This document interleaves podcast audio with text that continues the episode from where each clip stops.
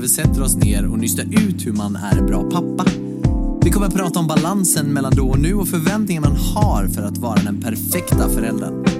Jag heter Jonathan Jungebrandt Och jag heter Robin Andersson. och vi ska ta reda på hur man blir den perfekta farsan i den här podden Oss pappor emellan. För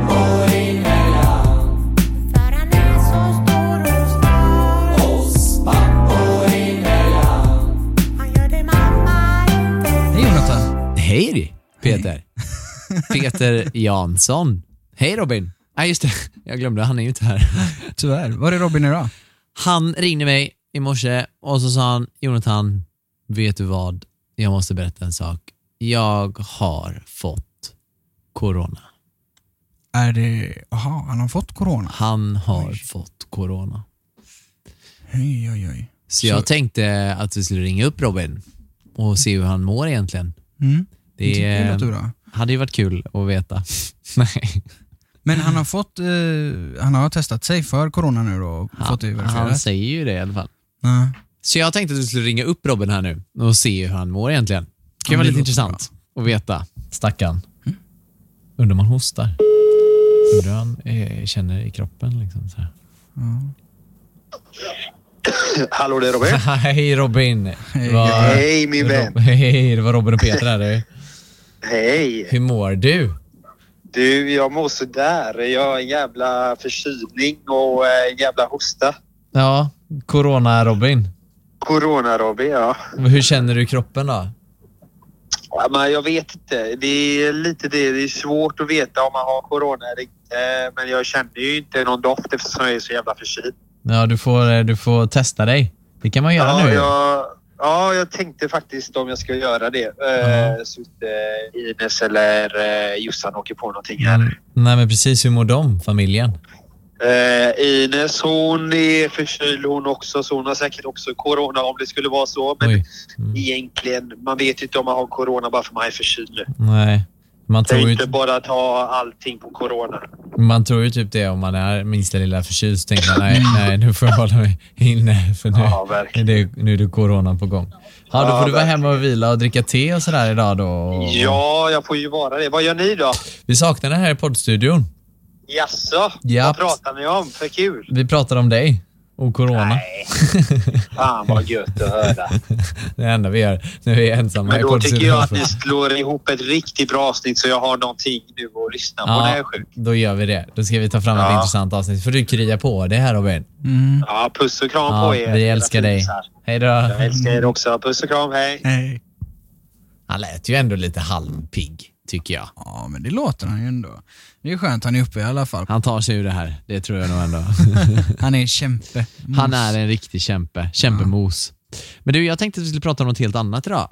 Mm. Någonting som vi bara varit och nuddat på den här podden ett par gånger. Ehm, som vi inte pratat och gått in på djupet med direkt. Och Det handlar ju om mm, för två och ett halvt år sedan när vi fick Novali.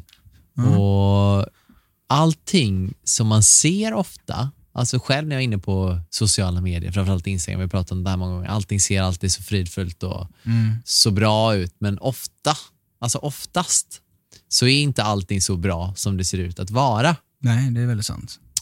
Så även för oss. Vi vill ju också att det är klart, såklart, saker jag lägger ut ska se kul ut och det ska se ut som vi mår bra och har det bra och sådär. Men det är inte alltid så jävla bra som det ser ut. Det finns toppar och dalar i alla relationer. Så ja, men ju. så är det ju. Nu handlar det inte bara om liksom vår relation så, utan mer vad som händer i, i, i kroppen, framförallt när man, när man får barn. och sådär. Både som, som mamma och som pappa höll jag på att säga, men framförallt så handlar det om mamman. Emma då? Emma i det här fallet, som har blivit väldigt påverkad av eh, allting sen vi fick Novali egentligen. Mm. Så jag, har ju, jag, jag bloggade ju rätt mycket för ett tag sedan. Mm, mm, För, ja, så här är ett inlägg som jag skrev tisdagen den 22 januari 2019. Mm.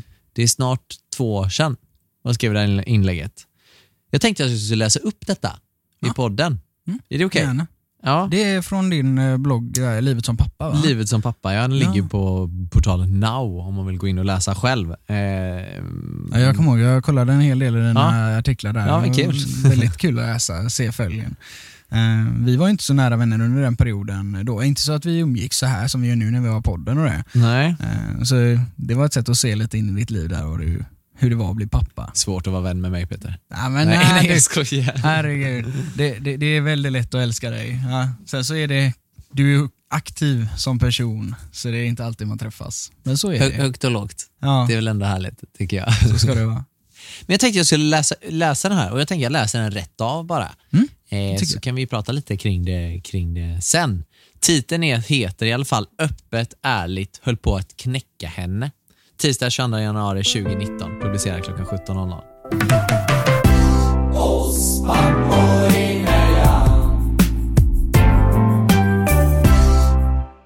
Flera månader efter förlossningen kände sig Emma ledsen och nedstämd, vilket enligt sjukvården är väldigt vanligt att göra i början.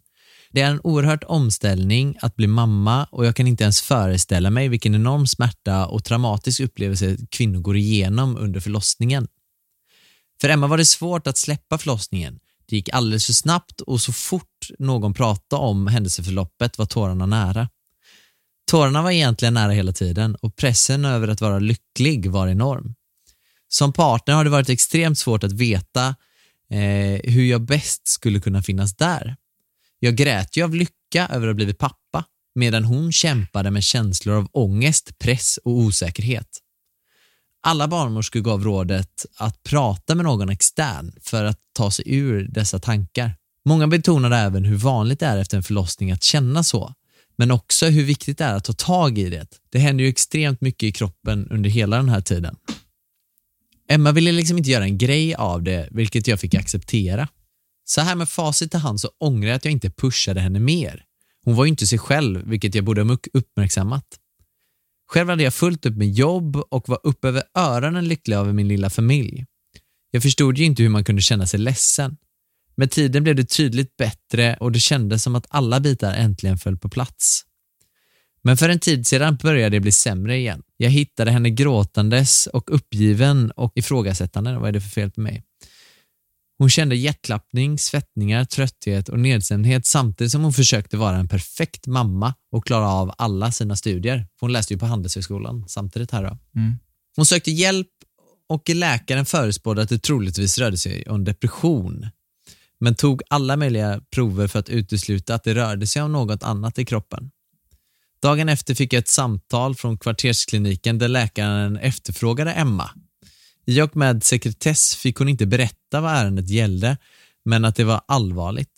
Kort därefter fick jag ett samtal från Emma att det troligtvis rörde sig om en sjuklig överproduktion av hormon i sköldkörteln, även kallat giftstruma, vilket påverkade flera av hennes funktioner i kroppen.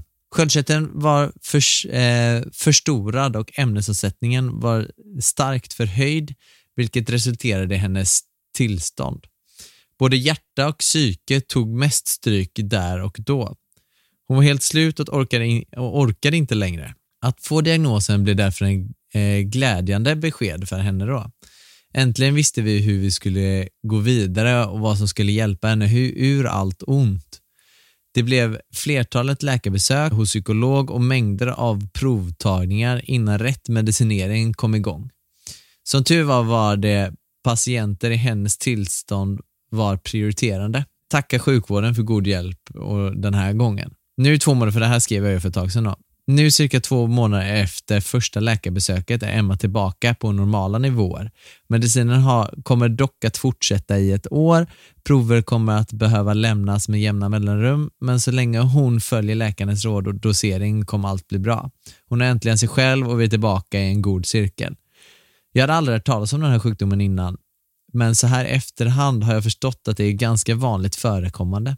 Det gör bara så ont i mig att det han gå så långt och att hon inte orkade längre och läkarna bad oss hålla extra koll på henne.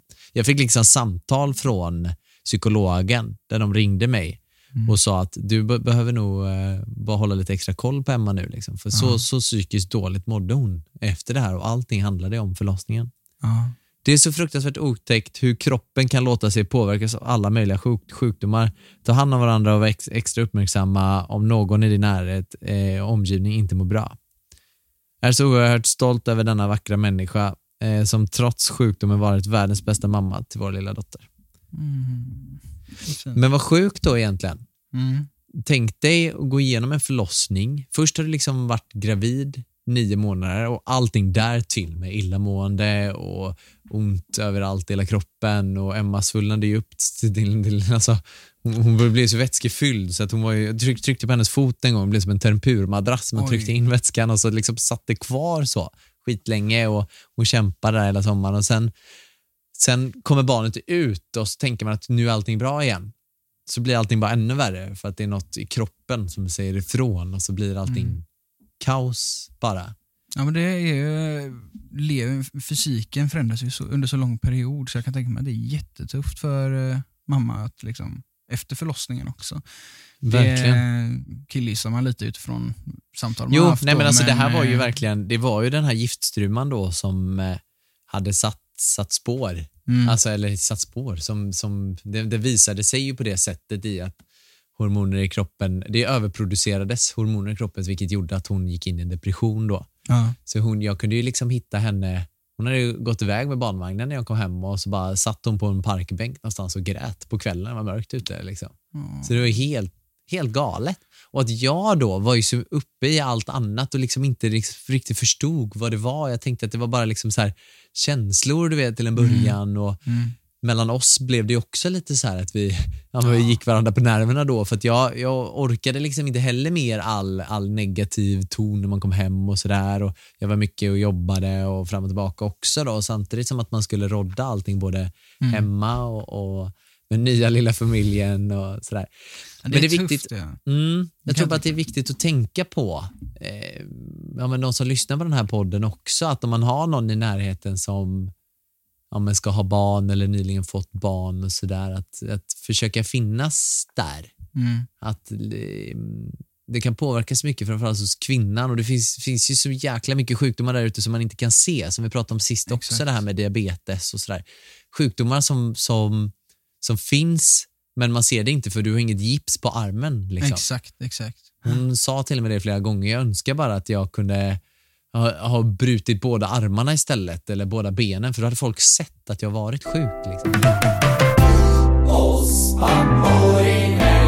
Eh, mental hälsa påverkar ju en under en lång period för det sätter ju men. Liksom. Ja, Så det kan ju dyka upp efter ett tag, det kan vara liksom latent under väldigt många år också.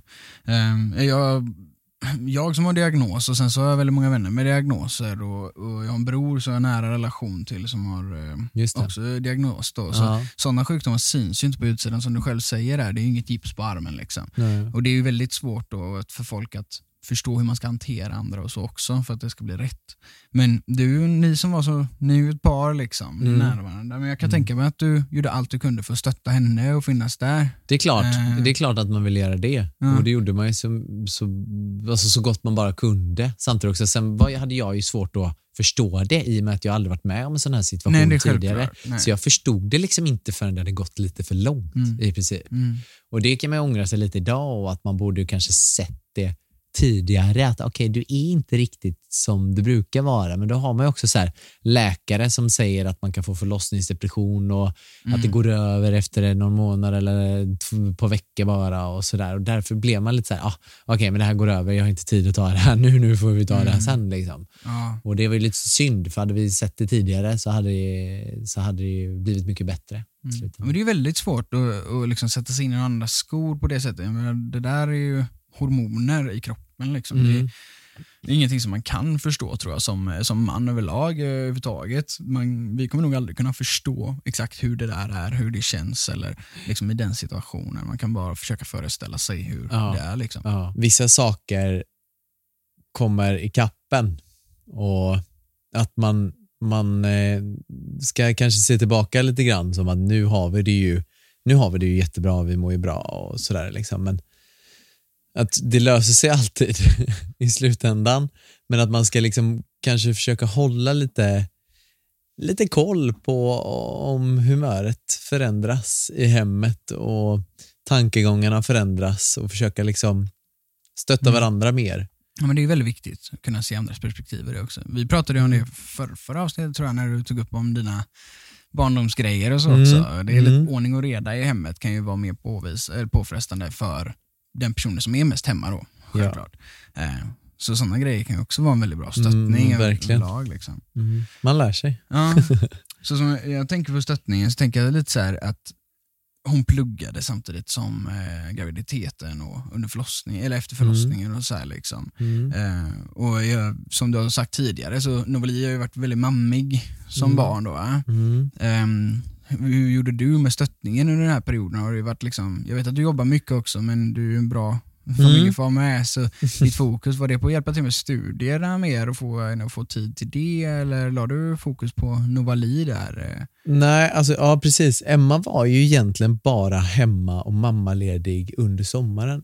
Novali kom ju i juni, sen var hon ju tillbaka i plugget igen i augusti på heltid. Liksom. Hon pausade aldrig plugget, hon körde sitt sista år då, liksom, när Ja. Novali var tre månader gammal. Sen är det så här när man pluggar så då är man ju inte i skolan hela tiden, man kan plugga, plugga mycket hemifrån och sådär. Ja, Så hon var ju hemma och hade Novali och pluggade och samtidigt. Eh, och sen jobbade jag då 50% med ett bolag som jag jobbade då. Mm. Så jag jobbade bara halv, halvtid på det företaget. Eh, och så hade jag Novali halvtid då. Så att jag Mm. var ju hemma när Emma var i skolan och Emma var hemma med Novali när jag var och jobbade. Då. Så, Mm. så, så, så gjorde vi. Så att jag var ju, alltså det, det är väl fel att säga att, jag, att hon var inte bara mammig heller framförallt, utan det var väl mer bara samarbeta där i början i och med att jag jobbade 50% och, och Emma var hemma när hon kunde. Liksom. Mm. Ja, ni stötte varandra med, med tiden, att den skulle finnas till Ja. plats för varandra. Ja. Sen är inte det optimalt. Hon Nej, säger ju det nu, liksom att skulle, skulle vi få mer barn nu då, eller få ett till barn, då, då, då vill ju hon vara hemma. Liksom. Mm. Vara med det här barnet 100%, kanske ett halvår, kanske ett år, jag vet inte, men så länge hon känner att det behövs. Liksom. För det var ju väldigt, vi har varit runt mycket och det har varit väldigt flängigt överhuvudtaget hela tiden sen, sen vi fått Novali egentligen så är vi liksom jag menar, alltså, jag menar, vi åkte ju upp till hennes föräldrar när hon var tre dagar gammal liksom, och Mm. Åkte runt Sverige runt. Liksom. Ja. och aldrig varit liksom, hon har ju, vi har ju inkluderat henne. Det, det har ju varit vårt sätt. För det- så känner vi ju med Novali nu. Hon är ju totalt orädd. Hon älskar ju att vara med överallt Mm. och hon åker mycket bil och tycker att det är kul. Liksom, sådär. Så att, så sätt är hon ju ganska skön nu med det. Att hon, är inte, hon är inte rädd för saker. Hon är Nej. helt totalt orädd. Liksom. Och Jag tror det är vi som har format henne lite i det i och med att vi inkluderat henne i allting sen hon var jätteliten. Liksom. Hon jag så, sover, borta hos, sover borta hos Emmas föräldrar i Norrköping. När vi åker upp dit kan vi ju lämna henne en vecka och så hänger hon med dem en vecka och så hämtar vi henne en vecka senare. Alltså, Det är ju drömläge för vilken familj som helst. Här. Ja, Det- ja, men, ja, men för hennes föräldrar funkar det ju jättebra och de tycker att det är jättemysigt och jättekul. Och istället för att bara ses en timma och sen åka hem så kan vi åka dit, lämna henne där. Liksom, kan hon få hänga med sin mormor och morfar en vecka och sen komma till oss igen. Liksom. Mm. Mina föräldrar är ju, är ju närmare så där kan vi åka förbi en eftermiddag och käka middag. Och så. Ja, precis. Men när är de väl träffar Novali, då, vill, då får de ju träffa henne längre, men inte riktigt lika ofta. Förstår du vad jag menar då? Mm. Så hon, hon längtar ju till att åka upp till mormor och morfar för att träffa alla hästar och kaniner och, Mm. och sköldpaddor och alla djur de har där, katter och grejer. Sköldpaddor. Ja, de har en sköldpadda hemma. Måla upp gårdslandskapet Ja. sköldpaddan namedroppas mitt i det där. Bara, I don't know, alltså, vad är det för gård? Jag gillar det. Jag gillar de tycker det. Hon tycker det är mysigt med alla djur och sådär. Ja, Fått en egen häst, de har fått som heter Bobo. Oj. Samma som Nej, Babblarna. Bobo där. Ja, ja, det är supermysigt. Ja, vi älskar att vara där också. Så det är hur ja, men det kan jag tänka mig, det är jättefint. Och samtidigt som jag och Emma då kan få liksom lite egen tid och som jag då kan fokusera på jobb och Emma kan Mm. fokusera på, ja, men på sitt och sådär. Så att, därför blir det ju väldigt, vi har det ju väldigt lyxigt så.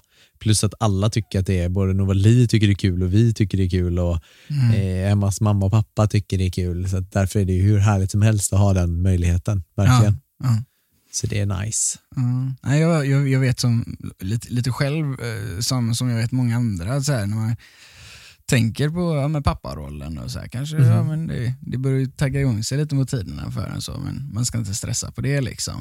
Eh, men, men ibland kan man fråga ställa när man här, hur får man ihop tiden? Du får ihop med, jag såg att du var ute och plockade kantareller igår och, och såna här grejer. Liksom. Mm. Det man bara, men herregud, ska man ha... Alltså, det, det är ju det man vill göra. Ja, ja. Men jag tycker det är, det är ju enastående. Liksom. Jag som vet, känner dig och vet vad, vad du gör, jag är som entreprenör och arbetar med foto och allt det här. Liksom. Det är mycket resande, mycket sitta och kundsöka. Och alltså, Gud ja. det är väldigt mycket arbete du lägger. Så att kunna få ihop det med det här familjelivet är ju, det är ju en bedrift verkligen. Tack. Så jag kan tänka mig att Emma har en likadan version av, från sin sida också med jag menar, plugga och så. Mm. Man vill kanske få lite mera eh, tid till att återhämta sig efter en förlossning. Ja men alltså allting hänger ju Det- ihop där. Hon, som sagt att hon har ju inte varit ledig sen vi fick Novali. I och med att hon nej. gick direkt på plugg. Mm. Året därefter sommarjobbade hon vid sidan av. Ja. Och Sen fick hon ju jobb då på mm, ja, men, det jobbet hon jobbade på senast här nu då. Liksom. Mm. Och Det är klart att till sist så när man inte tagit det lugnt plus att hon varit sjuk plus att hon, ja men jag har ju berättat det tidigare också, men hon svimmade ju på påsk för ett och ett halvt år sedan snart. Då, Ja, liksom. det. Och ja, men ramlade ner. Alltså, det är en historia för sig verkligen, men hon, hon svimmade ju efter vi hade badat spabad. Ja. Och så ramlade hon ner från en trall ner på ett berg och så slog hon ut framtänderna och bet igenom Oj. underkäken här. Så att hon har ju ett ärr här nu. För det var ju, hon kunde Mm. stoppa in ett finger och kände sina tänder genom sin underkäke. Liksom.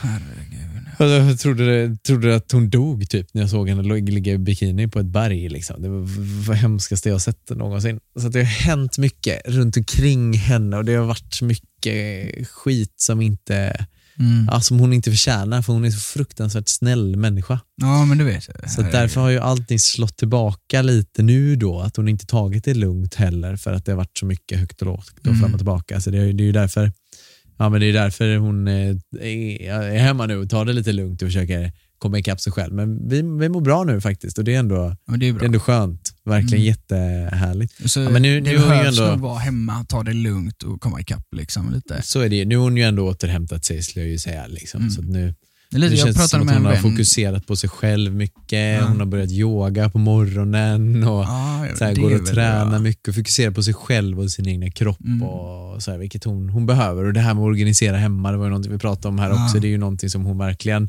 har fokuserat på och prioriterat nu och försöka liksom få ordning runt omkring sig. För är det ordning runt omkring henne, då känner hon Mm. att hon kan Det må är, bra svårast, också. Liksom. det är svårast att kontrollera det man har inom sig.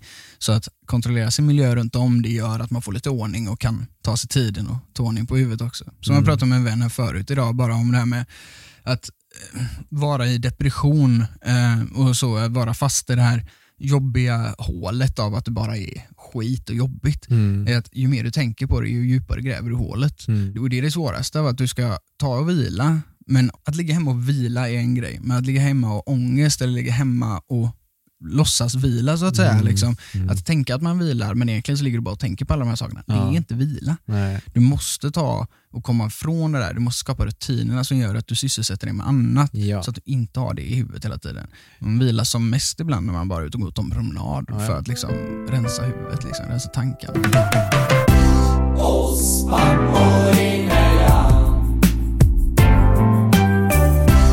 Hur är det nu mellan er hemma? Kan ni prata om eh, förlossningen och det, alla händelser här efteråt utan att det liksom är en jobbig grej? Liksom? Ni kan prata om det som att det här är det som har varit och låt oss hantera utifrån det. Ja, alltså, vi har ju pratat om det mycket nu. Mm. Liksom, eller nu, men eh, efteråt när allting med giftstrumman och det här lagt sig lite och hon fått medicinering och sådana saker. Och hon går ju fortfarande och pratar med en om, om det här då. Liksom, och sådär.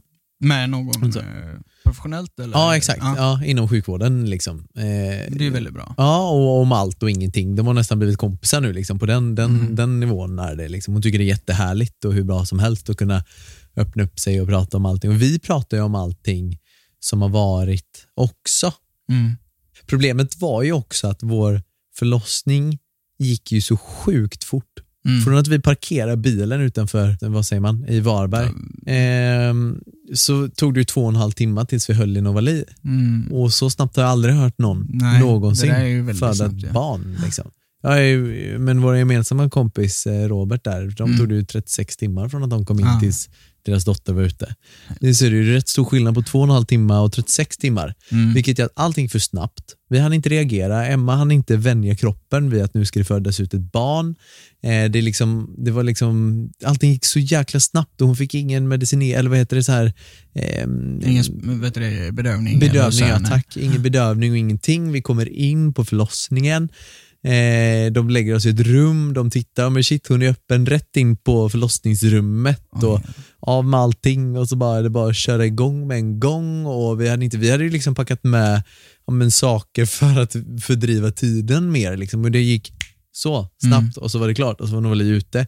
Så det har ju mycket med det att göra också, att det blev kaos under förlossningen och det blev det var inte så här bara, åh vad mysigt och härligt och nu ska vi vara här länge och, och sådär, utan vi hann, vi hann knappt vara där för att allting var klart på en, en blinkning. Ja. Och det gjorde ju också att det blev traumatiskt och det är ju klart att det gjorde extra ont allting. Liksom. Jag vet inte hur mycket du vet hur det fungerar där nere och sådär. Men Ja, Jag är ju inte tappad liksom. Nej, jag Det- förstår. ja, Nej, det är inte, inte bra i alla fall att barnet kommer ut för fort. De fick liksom Nej. bromsa, hålla emot för att hon Mm. inte skulle krysta.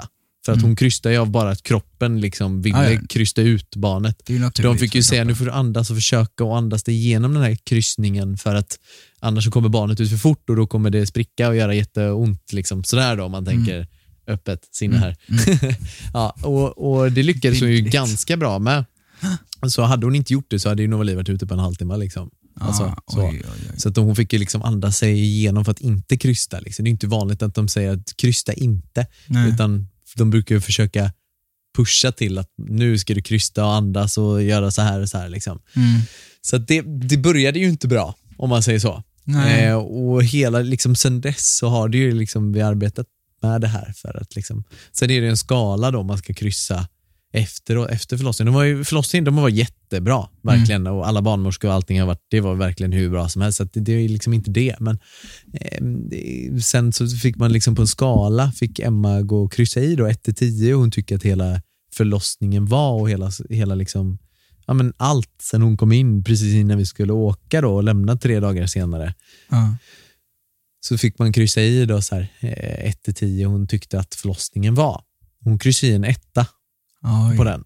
Ja. För att det var det hon kände. Hon kände Ja, så att det- det... Det, var inte, det var fruktansvärt. Jag skulle aldrig göra det här igen någonsin. Det är det värsta jag varit med om hela mitt Mm. liv. och sådär liksom.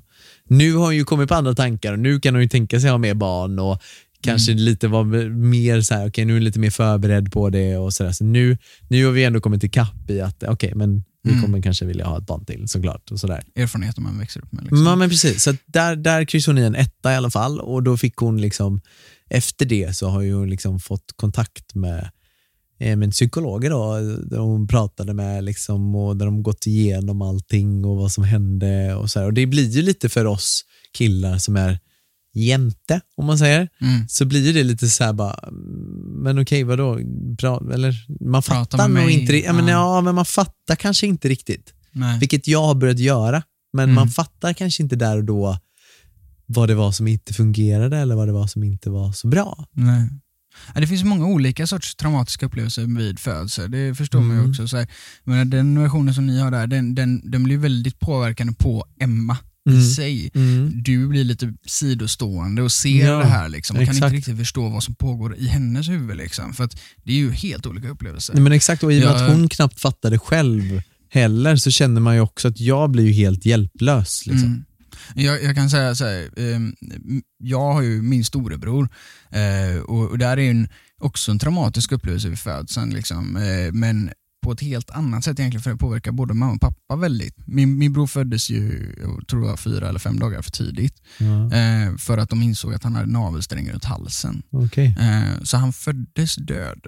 Eh, och blev återupplivad då. Liksom. Skämtar du? Ja, så han var död under, eller över fyra minuter. Va? Eh, ja, så det ju, blev ju att vid födseln så de pressade ju verkligen mamma till att få ut honom fort eh, för att snabbt ta honom iväg så att de återupplivning. Då. Var han eh, stryps då av Han navelsträngen? ströps av navelsträngen, han hade tre varv runt halsen. Ja. Så det var ju att så fort han föddes så försvann han. Ja. Mamma och pappa båda tyckte det var ju hemskt för dem. Liksom. Ja, det är klart. Helt plötsligt, ja, de fick inte se honom. De fick ligga där i frågetecken. Ingen som sa någonting, ingen som kom och Mm. pratade med om att han eh, återupplevats eller någonting. Men det var ju för att det blev så mycket tumult runt honom. Då. Mm. Där är också en sån version där det liksom är en traumatisk upplevelse på ett annat sätt. Och fy fan att det ens kan hända, på att säga. Men, ja, men det, det är ganska vanligt att ha navelsträngen runt halsen, Ja. så, eh, för det sker, barnen snurrar ju runt och Ja, ja. så i magen. Liksom, så helt plötsligt så, ja, det, det är ju som vilken lina som helst. Liksom. mm. Ehm, men sedan också en annan sida, typ som en annan version som blir min mamma hatade ju mig när jag föddes. Aha. Eh, för att jag var 20 dagar sen. Ja. Jag gillade att ligga kvar i mammas mage. Så. Mm. så de, de var inne och tvångsstartade mamma att Mm. föda mig. Mm. Och det var ju mer traumatiskt att bära på mig Ja. nästan en månad mer. För jag var ett stort barn också. Jag Ja. föddes eh, vägde jag ju 4 kilo och 20. Eh, det var också traumatiskt har hon förklarat för sig. Så, eh, nej, det finns så många olika sidor av en förlossning som kan vara hemsk för upple- alltså i Ja. upplevelsen i sig.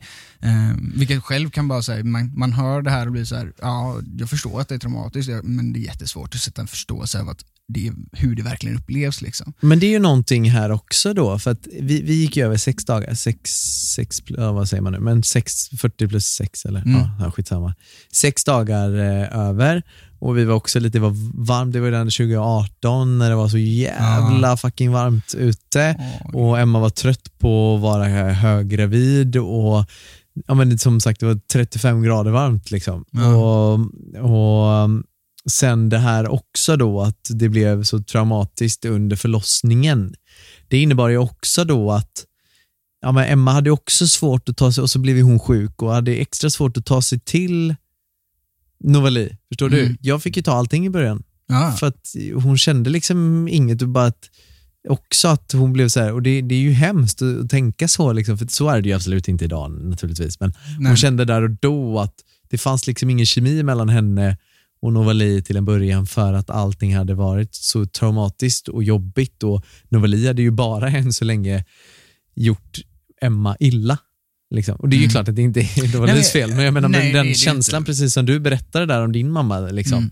här var det ju lite så till en början, vilket är fruktansvärt. Man vill ju så här, självklart ska man ju känna kärlek vid första ögonkastet och att Ja, men det är inte Novali så ska komma upp och så här. Nej men det är Kär- ju inte kärlek det. kan byggas med Ja tiden. men tänker precis, jag. det är ju det. Ja, men gud, jag älskar Novali över allt annat. liksom. och Ja, det gör ju Emma också naturligtvis. Det är Det är, inte, det är inte så, men för liksom, det första i och med att hon hade orsakat så mycket skada så blev det ju att, att mm, men Emma, framförallt Emma då kände att nej, men det, här, det här är bara jobbigt. Liksom, så här. Det är svårt Mm. att få känslor till någon som har gjort en så illa. Typ, liksom. Mm. Alltså rent fysiskt. så.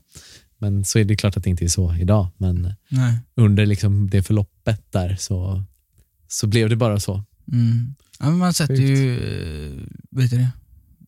Man, man sammankopplar saker liksom i en sån hektisk Ja. situation Ja, men kan jag verkligen. verkligen tänka mig. Verkligen. Ja, Det där är tufft liksom. Eh, Ja, det är ju ingenting mot Novali liksom. Nej, Så- men, nej, gud inte. Självklart inte.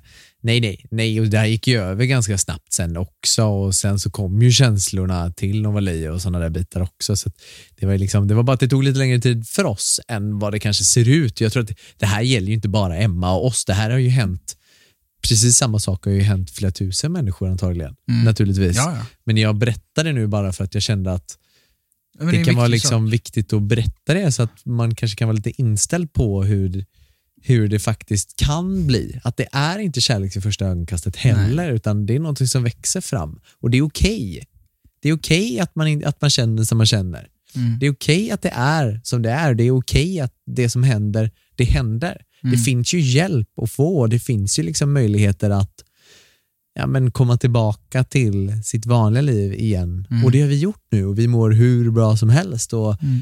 Novali är det bästa som har hänt och jag älskar att hon är två och ett halvt och vi kan gå ut och plocka svamp och göra kul grejer för Ja. att hon älskar allting man gör och hon är framåt och hon är glad och det kommer mycket positivt i det här. Att tycka om all, hela familjen lika mycket liksom och Mm. varit, varit med överallt och gjort allting vilket gör att hon är den personen hon är idag. Väldigt framåt och glad och älskar alla liksom. Mm. Och jag Men- tror att det, det har en del i det har en del positiv effekt i hur hon kommer vara framöver också.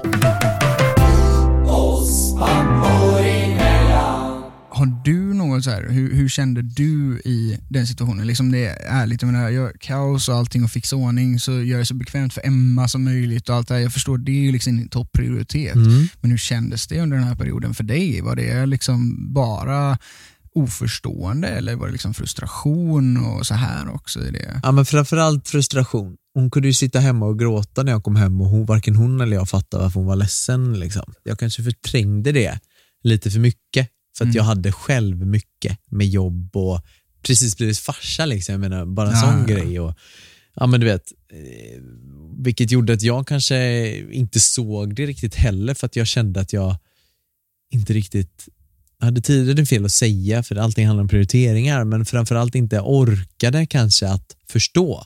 Ja. Så att därför blev det ju ångest för mig varje dag också. Ja. Och så fick jag ju framförallt, eller jag gjorde ju det gärna, liksom, allting i början med Novali, liksom, och, men mata henne och byta blöja och det blev jag som gjorde det mesta till en början. Alltså för, I alla fall de första veckorna, liksom, att det var jag som så här, mm, ja, men gjorde det mesta i och med att Emma inte mådde så bra då. Mm. Men sen fick vi ju hjälp och sen så fick vi en utredning och sen fick vi reda på vad det var. Så att det löste ju sig men det, jag har kanske också lite förträngt hur det, hur det var liksom, men hon kunde liksom Mm. ligga i sängen och var, le- var ledsen och ingen hade någon förklaring på varför hon var ledsen heller. Liksom. Man ska ju vara glad när man precis har fått sitt första barn. Men att, Mm. att man ska vara, det är det är en för, Nej, förväntan som Exakt. vi ja, idylliskt byggt upp. Liksom. Precis. Så, så väldigt sällan, alltså, det är väldigt sällan saker är guld och gröna skogar. Men det är viktig sak att sprida, viktigt, viktigt att folk vet om att man inte är ensam med såna här grejer heller. Liksom. Så, Nej men det är ju det. Det är det jag vill förmedla lite här nu. Att det finns så mycket hjälp och förstår man inte varför man mår som man mår, ta hjälp. Det är alltid bra att ta hjälp. Jätteskönt att, få hjälp med saker. Och Sverige är ju fantastiskt egentligen Mm. med allting.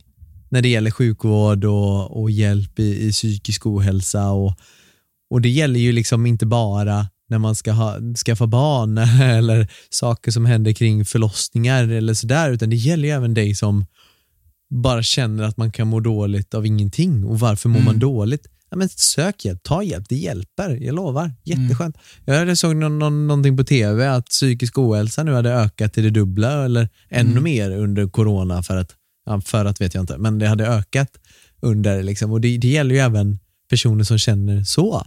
Mer stress, Sök- mer oro. Sök att hjälp, för fan. blir, eh, ja, sök hjälp för fan. Sök hjälp för fan.